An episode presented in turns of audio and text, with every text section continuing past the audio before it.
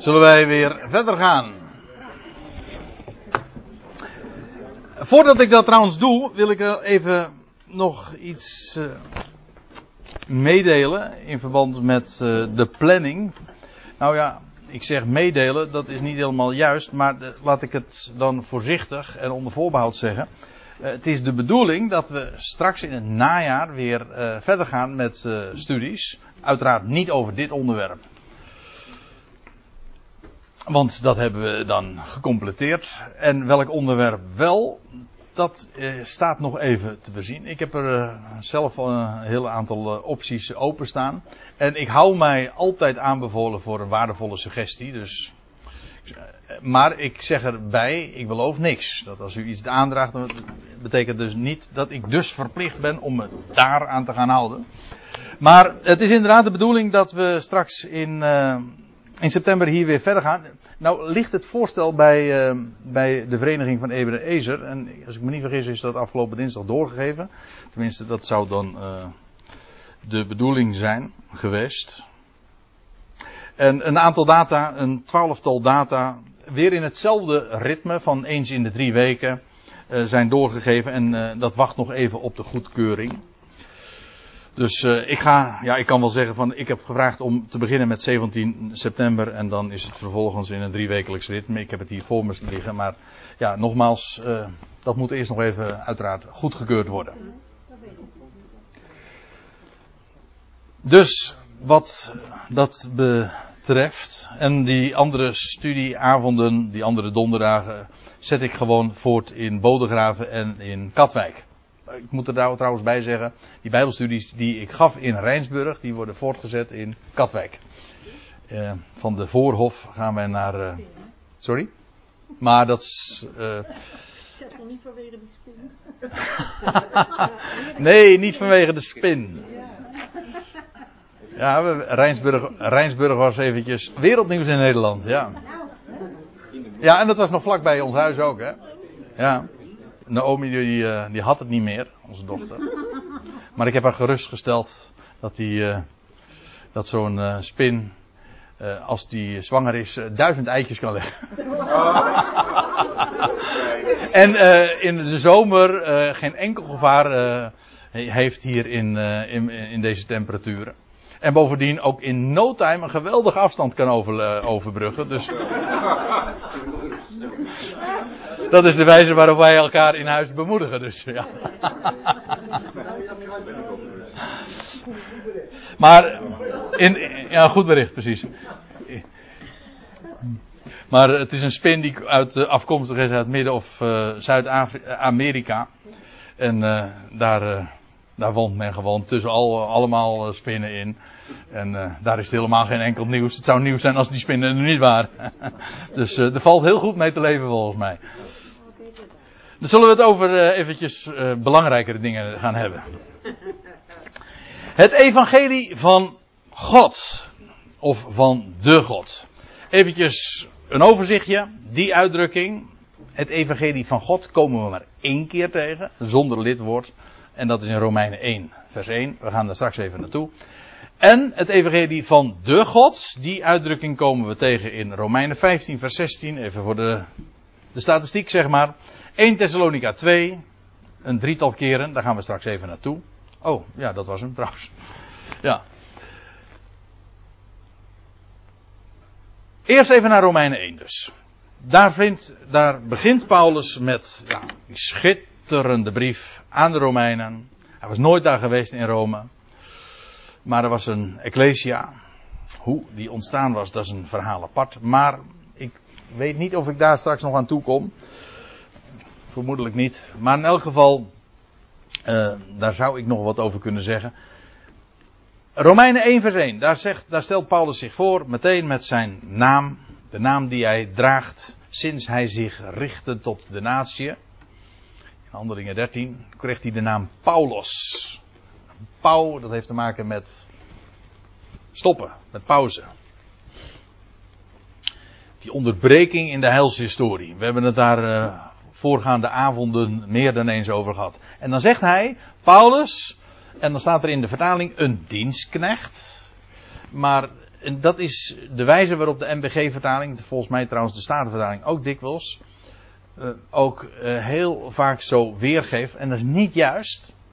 Een dienstknecht is niet wat hier staat. Paulus zegt: Ik ben een slaaf. Een dienstknecht is ook weer iemand die in dienst staat van, uh, maar een knecht is. En dus werkt voor een salaris. Maar Paulus zegt niet dat hij een dienstknecht is, hij is een slaaf. Dat betekent, hij is een slaaf van wie dan wel? Hij zegt het erbij, van Christus Jezus. Typische Paulus-uitdrukking. Ik vind hem eigenlijk uh, uitsluitend bij Paulus. Christus Jezus. De verheerlijkte Christus staat boven, staat vooraan. En wie is die verheerlijkte Christus die daar nu boven is? Wel, dat is de Jezus die hier op aarde ooit rondwandelde. Die volgorde. Zo kende Paulus hem. Zo predikte hij hem ook.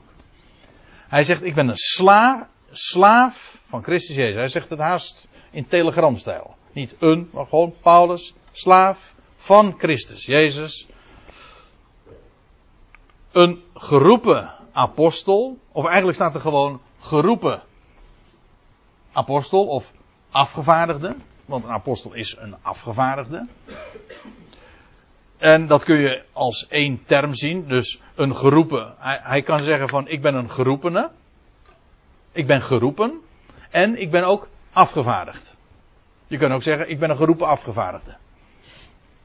In de praktijk maakt dat niet zo heel veel verschil. Maar dan zijn er twee dingen. Hij dus hij is geroepen, letterlijk. Saul, Saul. Wat vervolg je mij? Geroepen. Dat was zijn roeping. En dat was me genoeg ook. Om hem totaal om te keren. En zo werd een vijand ineens in, in, een, in een oogwenk werd hij een slaaf van Christus Jezus. In één keer overtuigd. In één keer dus gelovig. Geroepen. En vervolgens werd hij afgevaardigd. Afgevaardigd waartoe? Wel, dan staat er vervolgens afgevaardigd en dan afgezonderd tot verkondiging van het evangelie van God. Het goede bericht van God. En daarmee is dat goede bericht wat hij predikt, wat hij doorgaf, ook gekwalificeerd. Van wie is dat goede bericht? Wel, van niemand minder dan God zelf. Is trouwens uh, opmerkelijk, hij zegt ik ben geroepen, ik ben afgevaardigd, hij is bovendien ook afgezonderd. Hij zegt in de gelaten brief zelfs dat hij al van de schoot zijner moeder is afgezonderd. Dus jaren, decennia voordat hij daadwerkelijk geroepen werd, was hij al afgezonderd, gewoon, wij zouden zeggen, vanaf de wieg. Vanaf de moederschoot. En waartoe was hij afgezonderd? Wel, afgezonderd tot verkondiging van. Dat is trouwens interessant, want uh, er staat in het Grieks gewoon tot, uh, tot in. Dat woordje verkondiging van staat er eigenlijk helemaal niet. Hij is afgezonderd voor het goede bericht. En dat de vertalers daar meteen ook verkondiging van hebben van gemaakt, dat is, ik zeg dat niet als kritiek. Want dat, dat is ook logisch, want een goed bericht, ja, we hadden het er eh, voor de pauze al even over. Een, goed bericht, een goed bericht betekent, uh, het wordt bericht, het wordt doorgegeven. een bericht dient bericht te worden, daar is het bericht voor. Ja. En vandaar dus ook tot verkondiging van. Dus als je afgezonderd bent voor het goede bericht, dan betekent dat, daar ben jij toe, ja, afgezonderd, apart gesteld, daartoe ben je bestemd. Ja, waarom? Om het door te geven. Uiteraard. Hij is afgezonderd voor, tot, in of voor het evangelie, het goede bericht van God. Dan heb je die uitdrukking, het goede bericht van God. Romeinen 15, daar spreekt hij ook over het goede bericht van God, van de God, wel te verstaan. En dan zegt hij, en u ziet dat ook hier ben ik weer, val ik midden in de zin, als ik Romeinen 15 vers 16 aanhaal, dan zegt hij dat hij, nou, laat ik het even zelf ook opzoeken.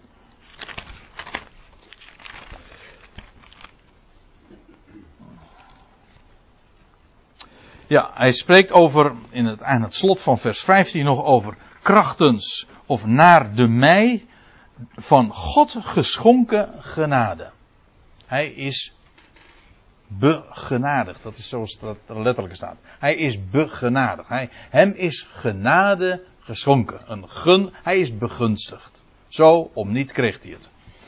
En dan waar, om wat? Wel, om een dienaar van Christus Jezus voor de heidenen, voor de natieën te zijn. Tot in de natie. Hier weer Christus Jezus. Maar ook om een dienaar. Hier staat niet het gewone woord voor dienaar trouwens. Een, uh, het Grieks is dat, u kent het woord wellicht, een diakonos. Het, een daar waar het kerkelijk ambt een diaken van afgeleid is. Dat is, een, dat is gewoon een dienaar, maar hier staat eigenlijk in het Grieks dit woord. Een, dat betekent een dienstverrichter. Maar in het Grieks staat daar een woord waar ons woord liturg weer van afgeleid is. Liturgos. En wat is een liturg? Dat is, uh, ja, liturgie. Maar uh, ik denk dat we nauwelijks nog weten wat de bijbelse betekenis daarvan is. Of gewoon de Griekse betekenis van het woord. Dat is iemand die een publieke dienst verricht. En wel met het oog op God. Dus in godsdienstig opzicht. Bijvoorbeeld, een priester was een liturg. Hij verrichtte een publiek ambt. Namelijk met het oog op God. En voor God. Dat is wat een liturg is. Het, het, is dus een publieke bediening. En het is trouwens interessant dat in diezelfde Romeinenbrief, dit is Romeinen 15, maar als je twee hoofdstukken terugbladert, dan kom je dus in Romeinen 13, en dan lees je dat de overheidsdienaren ook liturgen van God zijn. Ook eh, de, over, de overheid is een dienaresse. Oh ja, daar staat er, zo staat het. Een dienaresse Gods. Liturgen van God. Het gaat er helemaal niet om dat ze dat weten. Dat, hoeft, dat is gewoon eigen aan hun ambt. Daartoe zijn ze gesteld. Of ze dat nou weten of niet, maakt niks uit. Ik zal u dit vertellen. De overheid waar Paulus het over had. Toen in die dagen. Die wisten het in ieder geval niet. En wilden het ook helemaal niet weten. En toch waren ze dat. Dat is nogal mooi. Hè? Nee, is niks veranderd, nee. nee. We zijn uh, inmiddels in 2015, maar uh, volgens mij maakt het uh, de huidige tijd geen enkel verschil met, met de tijd van toen. Hij is, maar Paulus zegt, ik ben een, liturg van Christus Jezus voor de natieën. Dus Paulus verrichtte een publieke dienst met het oog op de natieën. Dat is typisch die bediening die hij had gekregen. Voor Christus Jezus, die geweldige benaming, die betiteling, maar ook voor de natie. Zonder onderscheid. En moet u even uh, zich realiseren. Tegelijk in die dagen dat Paulus dit nog optekende, was daar in Jeruzalem ook nog steeds een liturgie gaande. Daar stond een tempel in Jeruzalem. Het zou er niet zo heel lang meer staan trouwens. Pak weg, nog een jaar of, uh, nou hooguit 15. En Paulus, uh, daar, was een, daar waren liturgen, daar was een priesterdienst. Hè, en daar was een, een, een, vleeselijke dienst. Ik bedoel vleeselijk in de zin van uh, gewoon lichamelijk, zichtbaar. En een, een tempeldienst. Maar dat was door God al aan de kant geschoven. Een paar jaar later zou het daadwerkelijk ook echt helemaal van de kaart verdwijnen, letterlijk. Maar terwijl dat al nog gaande was, de echte dienst, de echte liturgie voor God oefende Paulus uit. Namelijk, wat deed hij dan? Wel, met het oog. Hij was een liturg van Christus Jezus voor de natieën in de heilige dienst. En nou komen we bij de uitdrukking. In de heilige dienst, in, dat wil zeggen, hier wordt ook weer zo'n woord gebruikt. Uh, een gewijde dienst verrichtend. Namelijk van het goede bericht van God. Het evangelie Gods. Vergis u niet. Wat is vandaag onder de natie de heilige dienst, echt de liturgie, wat is voor God van waarde? Wel, dat is die dienst voor het evangelie van God. Het goede bericht van Hem. Het echte werk, dat, is een dat onttrekt zich helemaal aan, aan het NOS-journaal en aan de kranten enzovoort. Het is een verborgen werk, maar niettemin, God roept vandaag een volk uit voor zijn naam. Dat is het echte werk. Dat is de liturgie. En Paulus zegt, ik ben die liturg van Christus Jezus. En voor de natie. En dat is een heilige dienst voor het evangelie van God. Het evangelie Gods. Ik heb een boek in de kast staan. Wel meer. Maar uh, dat, uh, dat boek heet dat is, uh, Het Evangelie Gods. Schitterend boek. Is, wie kent het? Van dokter F.A. Streuter. Nou, kan u echt aanbevelen. Schitterend boek. Het is geschreven door een, een, een, een, hoogleraar, een Duitse hoogleraar. Die ergens van 1850 in tot 1920 leefde. Dus het is al een hele tijd geleden geschreven. En die man die is ook gegrepen door het evangelie gods, door het echte evangelie. En die man die heeft in zijn dagen ook pal gestaan voor die boodschap. Ook onder veel strijd. Het evangelie gods. Uh, Paulus uh, was een dienaar van Christus Jezus, een liturg voor de natie in de heilige dienst van het evangelie van God, opdat de offergave van de, de natieën, dat is wat hij zegt, want wat, wat gebeurde er Paulus? Paulus deed dus een, een liturgie. En wat was die liturgie? Wel, hij bracht het evangelie van God, van de God. En wat had dat tot gevolg? Dat er een er werden mensen door geroepen. Die hadden er, mensen hebben er oor voor. Er oor naar. Waarom? Omdat God hun oren daarvoor opent. En dat betekent dat daar onder die natie een offergave ontstaat. Dat is wat Paulus, wat Paulus dus feitelijk doet, is hij is een, een dienaar, een liturg, maar dat is opdat er onder de natieën, in het verborgene, een offerande gebracht wordt. En die offerande, dat is dat volk dat zich, dat God zich vandaag vormt. Een volk, in Handelingen 15 vers 14, staat me erg voor de geest nog. Ik heb juist vorige week in Rijnsburg daar die, uh, een, een bijbelstudie over dat hoofdstuk gegeven. En daar, daar, daar lees je over dat God zich vandaag, in deze tijd, een volk voor zijn naam uit de natieën verzamelt. Voor zijn naam. Een offergave voor hem. Niet om deze wereld te verbeteren, ook niet om het koninkrijk in deze, gestalte, in deze wereld gestalte te geven, maar puur voor hem, voor zijn naam. Dat God welgevallig is, geheiligd zijnde door heilige, of in heilige geest. Dus je ziet dus, die heiliging vindt plaats door heilige geest. Niet door, dat is geen mensenwerk. En dat is God welgevallig. Ga nog even verder. 1 Thessalonica 2. Daar zegt Paulus dit. Uh, immers. Weer even uh, context geven. Dit is, dit zijn eerste brief trouwens die, we, die hij geschreven heeft. Niet die we in het Nieuwe Testament aantreffen. Maar wel de eerste brief die hij heeft opgetekend. En in Thessalonica heeft hij trouwens ook heel wat beleefd. Meegemaakt. Ook heel veel strijd. En dan zegt hij immers, ondanks de de mishandeling en de smaad die wij, zoals jullie weten, in, in Filippi tevoren ondergaan hadden. Kijk het maar na, maar uh, Paulus was eer, eerst in Filippi geweest, dat wordt beschreven in Handelingen 16. Weet u nog, daar heeft hij in de gevangenis gezeten. In die kerker, middernacht zong hij met Silas, zijn medewerker lof, de lof van God. Hij was gemarteld, moet nagaan hè. Hij was, kijk, dat bedoel ik nou wat ik voor de pauze zei over het, het voorrecht. Het was een genade om te lijden voor hem. Dat zijn Paulus woorden, niet de mijne, Paulus woorden.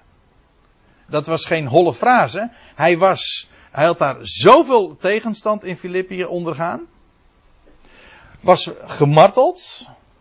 Ik, zal maar, uh, ik ga er nu aan voorbij wat er nog aan vooraf gegaan is was gemarteld. Vervolgens wordt hij in de kerker ge, uh, gegooid. Samen met Silas. De voeten geboeid. Of ge, hoe staat het er? In het blok. En midden in de nacht staat er. Zongen zij Gods lof. En dat is wereldschokkend. En dat was het echte. Ja, ik bedoel, wat vond er toen plaats? Een aardbeving. Hm? Maar, en al die gevangenen die, die luisterden mee. Ze zongen Gods lof, staat er. Die, die, zij waren blij met dat wat ze mocht, uh, de smaad die ze mochten dragen. Wat een geweldige instelling. Er ging geen petitie, uh, uh, niet met een petitie naar Rome toe. Zo, wat krijgen we nou? We zijn Romeins staatsburgers enzovoort. Dat mag. Nee, hij was blij. Hij was dankbaar voor, de, voor dat wat hij daarvoor allemaal ondervond.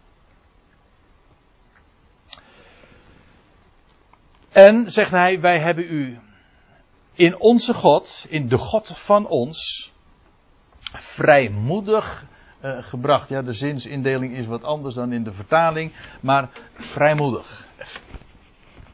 Ik meen me te herinneren dat ik er al een keertje eerder op gewezen heb, maar dat woord vrijmoedig, dat wil zeggen, je hebt de moed om vrij te zijn. Letterlijk in het Grieks is het alles zeggen. Alles spreken.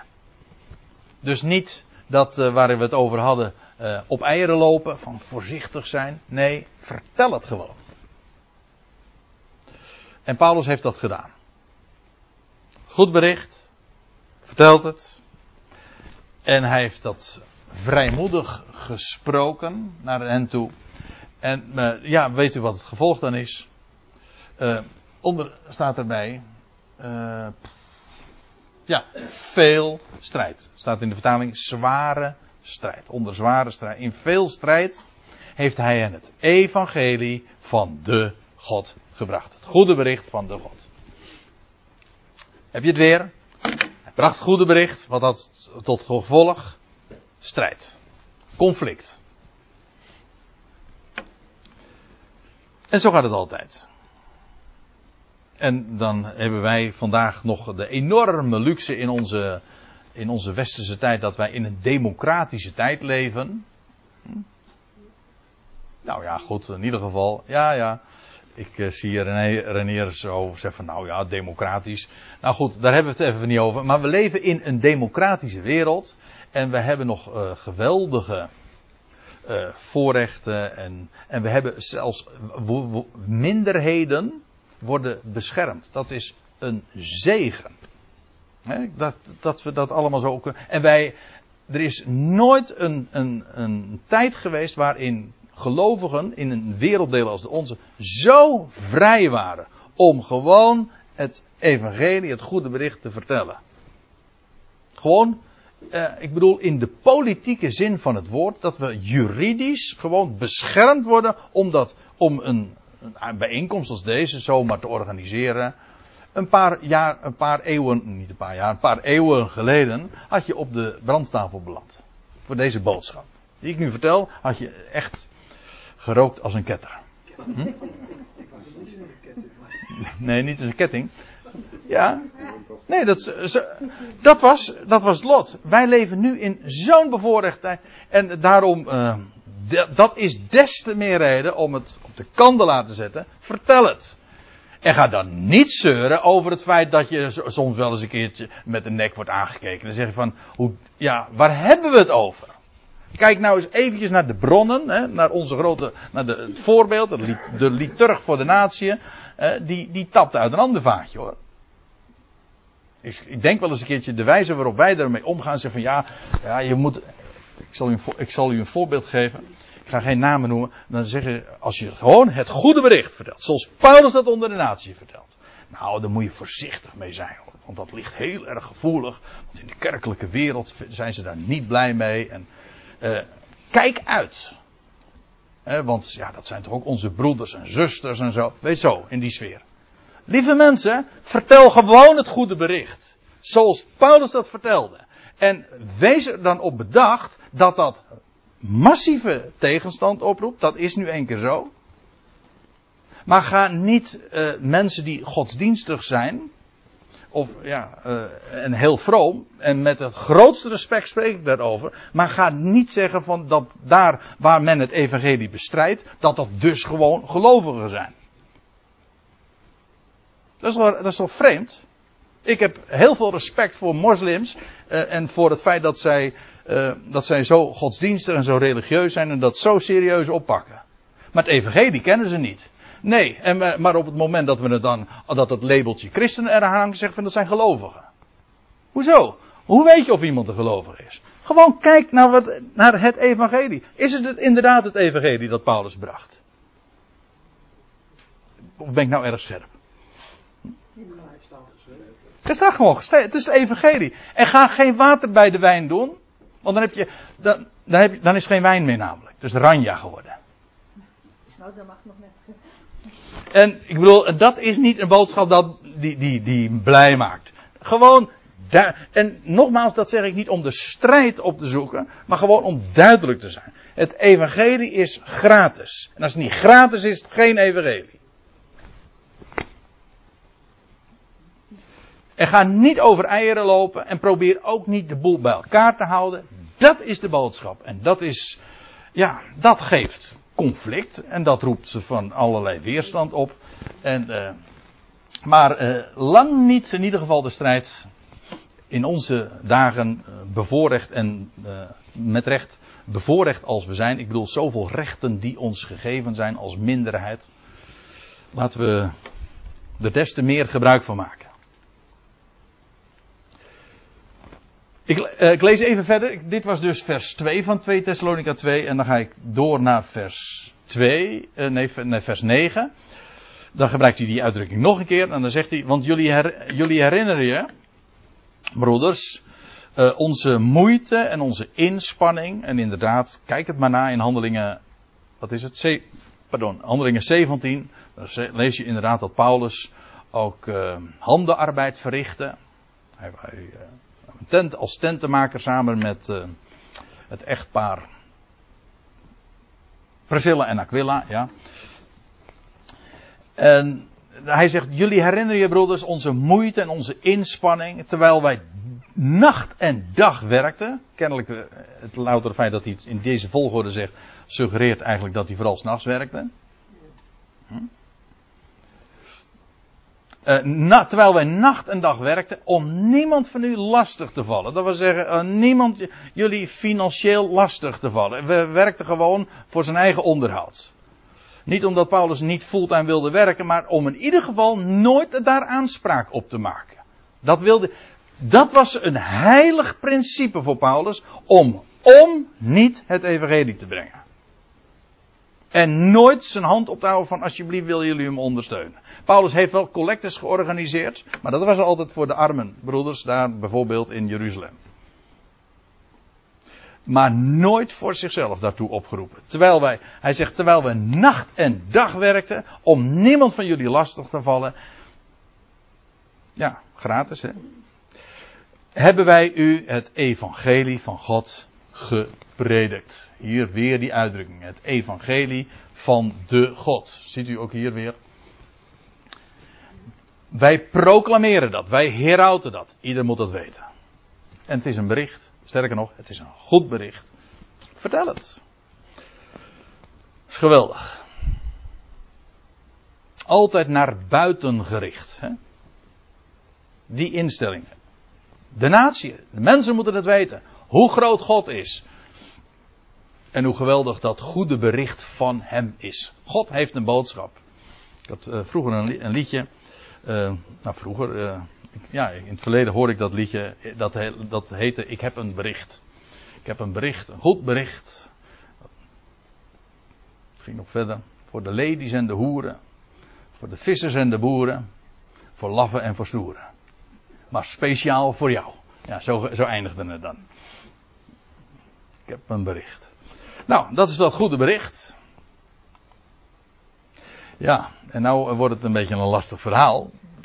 Want uh, de uitdrukking het evangelie van zijn zoon heb ik ook beloofd nog te bespreken. Dat is een uitdrukking uit Romeinen 1.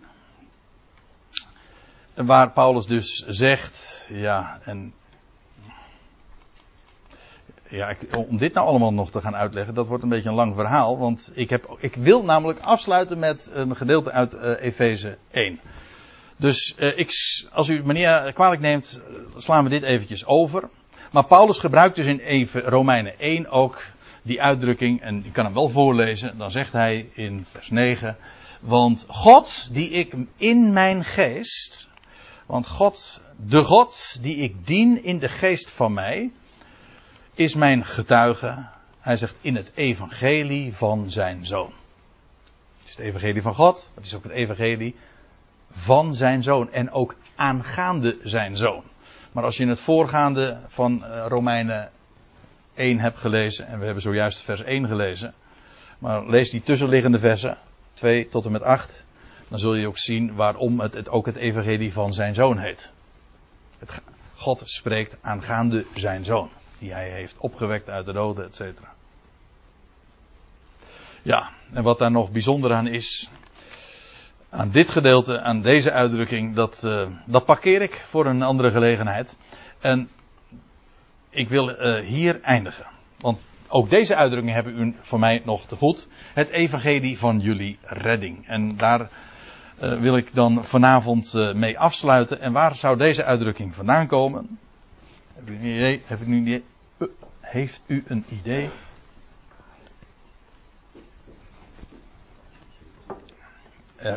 uh, Efeze 1. Daar zegt Paulus, ja, als u uh, in uw vertaling staat er waarschijnlijk het, het evangelie uwer behoudenis. Of in de Statenvertaling het evangelie uwer zaligheid. Ja. Maar er staat gewoon letterlijk het, het evangelie van de redding van jullie. Om het even heel precies te zeggen. En nou, komen we bij Efeze 1 die schatkamer van God, zo noem ik het uh, graag. Maar Paulus begint, eigenlijk, hij, hij begint de brief dan met. Geloofd zij de God en Vader van onze Heer Jezus Christus, die ons zegent met elke geestelijke zegen in Christus Jezus te midden van de hemelse. Alsjeblieft, dan weet je meteen waar het is en in wie het is, en maar ook waarmee we gezegend zijn. Elke geestelijke zegen. Dat wil zeggen, er is geen, geen schat, geen zegen, geen geestelijke zegen eh, die God niet aan ons geeft. Kortom, daar gaan die schatkamers van God echt open. En Paulus pakt ook uit hoor. En dan zegt hij in vers 13. In hem zijn jullie ook. Laten we eventjes vooral kijken naar die interlineair. Dan, dan ziet u hoe hij. En dan kijkt u eventjes dus even omgekeerd van wat u misschien meestal doet. Maar nou kijken we eerst eventjes naar die interlineair. En dan kijkt u met een schuin oog even naar de vertaling ook. Letterlijk staat er, in wie jullie ook. Sorry, nou moet ik even toe bladeren.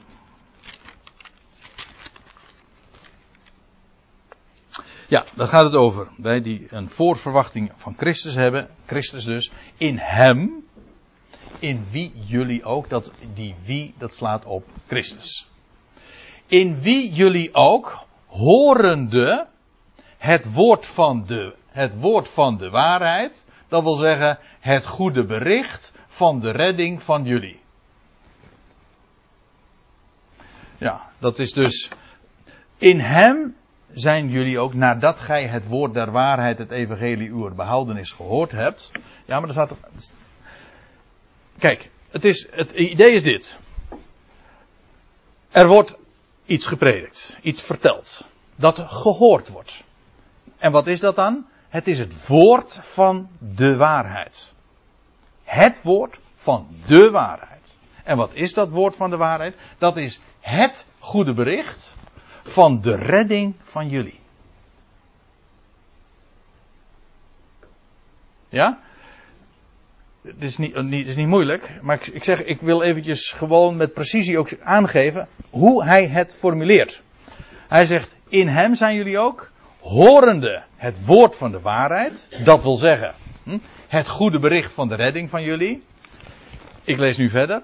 In hem zijn jullie, in wie jullie ook gelovende, of wat lekkerder lopender Nederlands zeg je dan, toen gij gelovig werd of gelovende, jullie worden verzegeld met de geest van de belofte, dat wil zeggen de heilige, oftewel de heilige geest der belofte.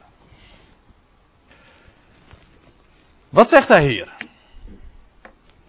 Hier zegt Paulus dat die Efeziërs, tot wie hij zich richt, of allen die in Christus Jezus zijn, Zij zijn verzegeld. Waarmee? Verzegeld, dat wil zeggen, ze hebben een goddelijk zegel gekregen. Want ze zijn gezegend, uh, pardon, verzegeld met de geest van de belofte. De beloofde geest. Namelijk de Heilige Geest. Het is dus, ze zijn verzegeld met een goddelijk zegel. Dat is een zegel, wil zeggen, het is, ja, dan ben je dus verzegeld en dat betekent dat het onaantastbaar is. Bijvoorbeeld, om een uh, sprekend voorbeeld te geven. Je leest van de Romeinse keizer, die ook de steen voor het graf van Jezus had verzegeld. Er was een zware steen voor het graf en dat, die steen was verzegeld. Dat wil zeggen, de Romeinse keizer had dat verzegeld, had dat verzegeld en dat wil zeggen dat de overheid, de hoogste overheid, uh, dat had vastgesteld en dat betekent op straffen van de dood zou dat zegel verbroken worden. Dat is natuurlijk erg komisch, hè? Dat is erg komisch, want juist. Dus de hoogste overheid had die ware steen verzegeld, op straffen van de dood. Maar wat, wat gebeurt er? De derde dag wordt die steen weggerold, het zegel wordt verbroken, dus daarmee. En dat was juist het bewijs van leven. Hm? En daarmee werd. Daarmee werden, Paulus zegt in Colossense 2, de, daarmee werden de overheden en machten openlijk tentoongesteld. Te kijk gezet. Die Romeinse overheid met een zegel, die werd te kijk gezet. Maar als God verzegelt, dan ben je onaantastbaar. Met de, met de heilige geest van de belofte. Maar nu even precies. Wanneer wordt een mens verzegeld met de heilige geest van de belofte? Nou, dan moet hij eerst iets horen. Wat hoort hij? Nou, het woord, horende, het woord van de waarheid. En wat moet hij dan horen? Wat is dat woord van de waarheid? Dat is het evangelie van redding. Van jullie redding. En als je dat evangelie van je redding hoort, je hoort een blijde tijding, er, hij is jouw redder. Dat is het evangelie van je redding. Toch? Het staat in 1 eh, eh, Timotheus 4. Levende God, hij is een redder, een behouder van alle mensen, speciaal van gelovigen. Maar hij redt. Hij is jouw redder. Dat is de blijde boodschap van redding. Van jullie redding. Nou, dat is het woord van de waarheid. En als je dat hoort en bovendien vervolgens gelooft, dat wil zeggen dat daar amen op zegt, wat gebeurt er dan? Nou, in hem zijt gij, zijn jullie, toen jullie gelovig werden, of gelovende, verzegeld met de geest van de belofte. Met andere woorden, wie is verzegeld met de geest van de belofte? Degene die het woord hoort en gelooft, namelijk het evangelie van redding. En nou herinner ik weer even precies ook aan waar we het al eerder over vanavond, al een paar keer ook over hadden. Wat heeft men hiervan gemaakt? Men heeft dit verdraaid. Omgekeerd. Men maakt hier namelijk van. Als jij gelovig wordt, dan krijg je het evangelie van je redding te horen. Toch? Jij moet kiezen. Jij moet iets dat komt erop neer, jij moet iets doen. En als jij dan gedaan hebt, als jij gelooft, hè, of als jij je knieën buigt, of als jij je bekeert, of als jij voor Jezus kiest, dan krijg jij het evangelie van je redding te horen. En daarmee is de boel precies omgekeerd. Hier, deze mensen hadden, maar ze wisten niks en ze kregen iets te horen. Het evangelie van hun redding. En dat hoorden ze en dat geloofden ze. En zo werden ze verzegeld. Daarin werden ze verzegeld. Als je dat eenmaal gehoord hebt, als dat in je hart is ingedrongen, dan raak je dat never nooit meer kwijt. Nooit. En dus niet een, die boodschap omkeren, want in de christenheid is dat gebeurd. Daar zegt men dit. Daar zegt, je moet eerst geloven en daarna krijg je het evangelie van je redding te horen.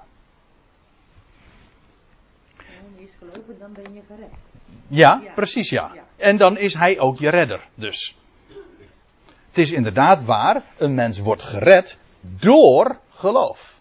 Dat klopt. Het is niet zo van alle mensen zijn gered. Nee. Hij is, hij is de redder. En dat hij is de redder wil zeggen, hij redt alle mensen. Zijn alle mensen er gered? Nee, dat nog niet. De gelovigen nu zijn gered. Hij redt door geloof. Maar geloof is ook weer een geschenk van hem. Dat is trouwens niet Efeze 1, maar Efeze 2. Door genade zijn jullie gered. Door het geloof. Dat niet uit uzelf. Het is een naderingsgeschenk van God. Niet uit werken, opdat niemand roemen. Ja, hoe, hoe duidelijk wil je het hebben? Hij is de boodschap, het woord van de waarheid is, hij is jouw redder. En dat mag je geloven. En men heeft het gemaakt. Als jij gelooft, wordt hij jouw redder. En dus heeft men een prijskaartje aan dat evangelie gehangen. En dus is het geen boodschap van genade meer. Zie je hoe, zie je hoe, hoe precies dit is? Het is het woord van de waarheid.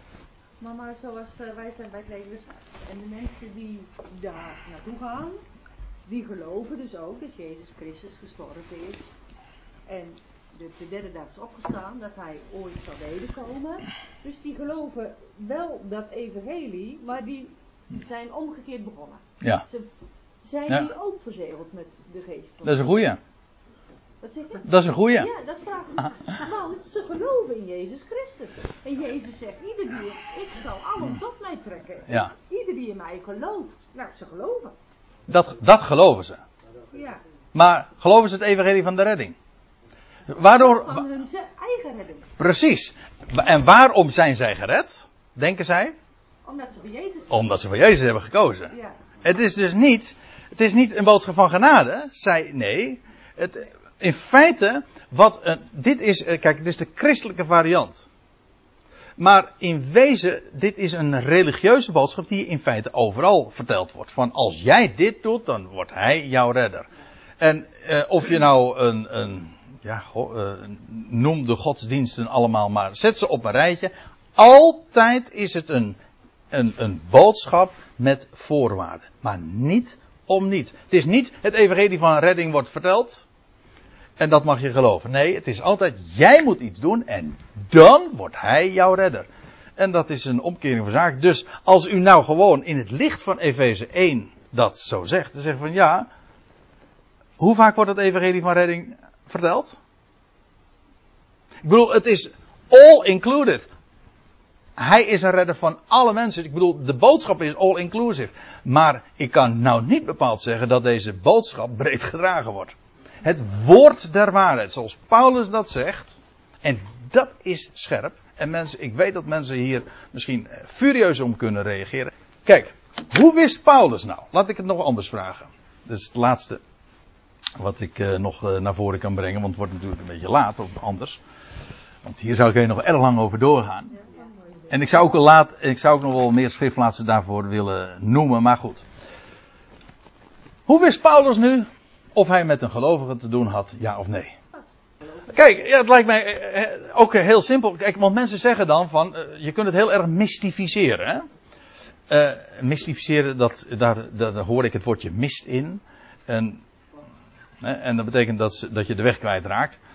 Maar je kunt, de boodschap, je kunt het heel erg mystificeren en dan, dan zeg je van ja, goh, je, welk mens kan nou in het hart van een ander kijken? En dat is waar. Ik kan niet in het hart van een ander kijken en u kan niet in mijn hart kijken enzovoorts. Slechts hij kent de harten. Daar kunnen wij geen oordeel over geven. Het enige wat ik wel kan beoordelen, en dat is of iemand het evangelie vertelt, ja of nee. Nou, nou ga ik even terug naar die vragen die ik zojuist stelde. Hoe wist Paulus nou of die te maken had met een gelovige, ja of nee? Nou, en dat geldt voor ons ook. Ik zou zeggen, vertel het evangelie. Vertel het evangelie en dan eens opmerken wat voor reactie je krijgt. En als iemand zegt, geweldig, amen. Dat is een gelovige. En als iemand zegt, dat dan zeg je nog niks hè, maar dan zie je al heel veel. Of eh, onzin. Zoals ik dat vorige week dus hoorde. Zo, onzin. Lari.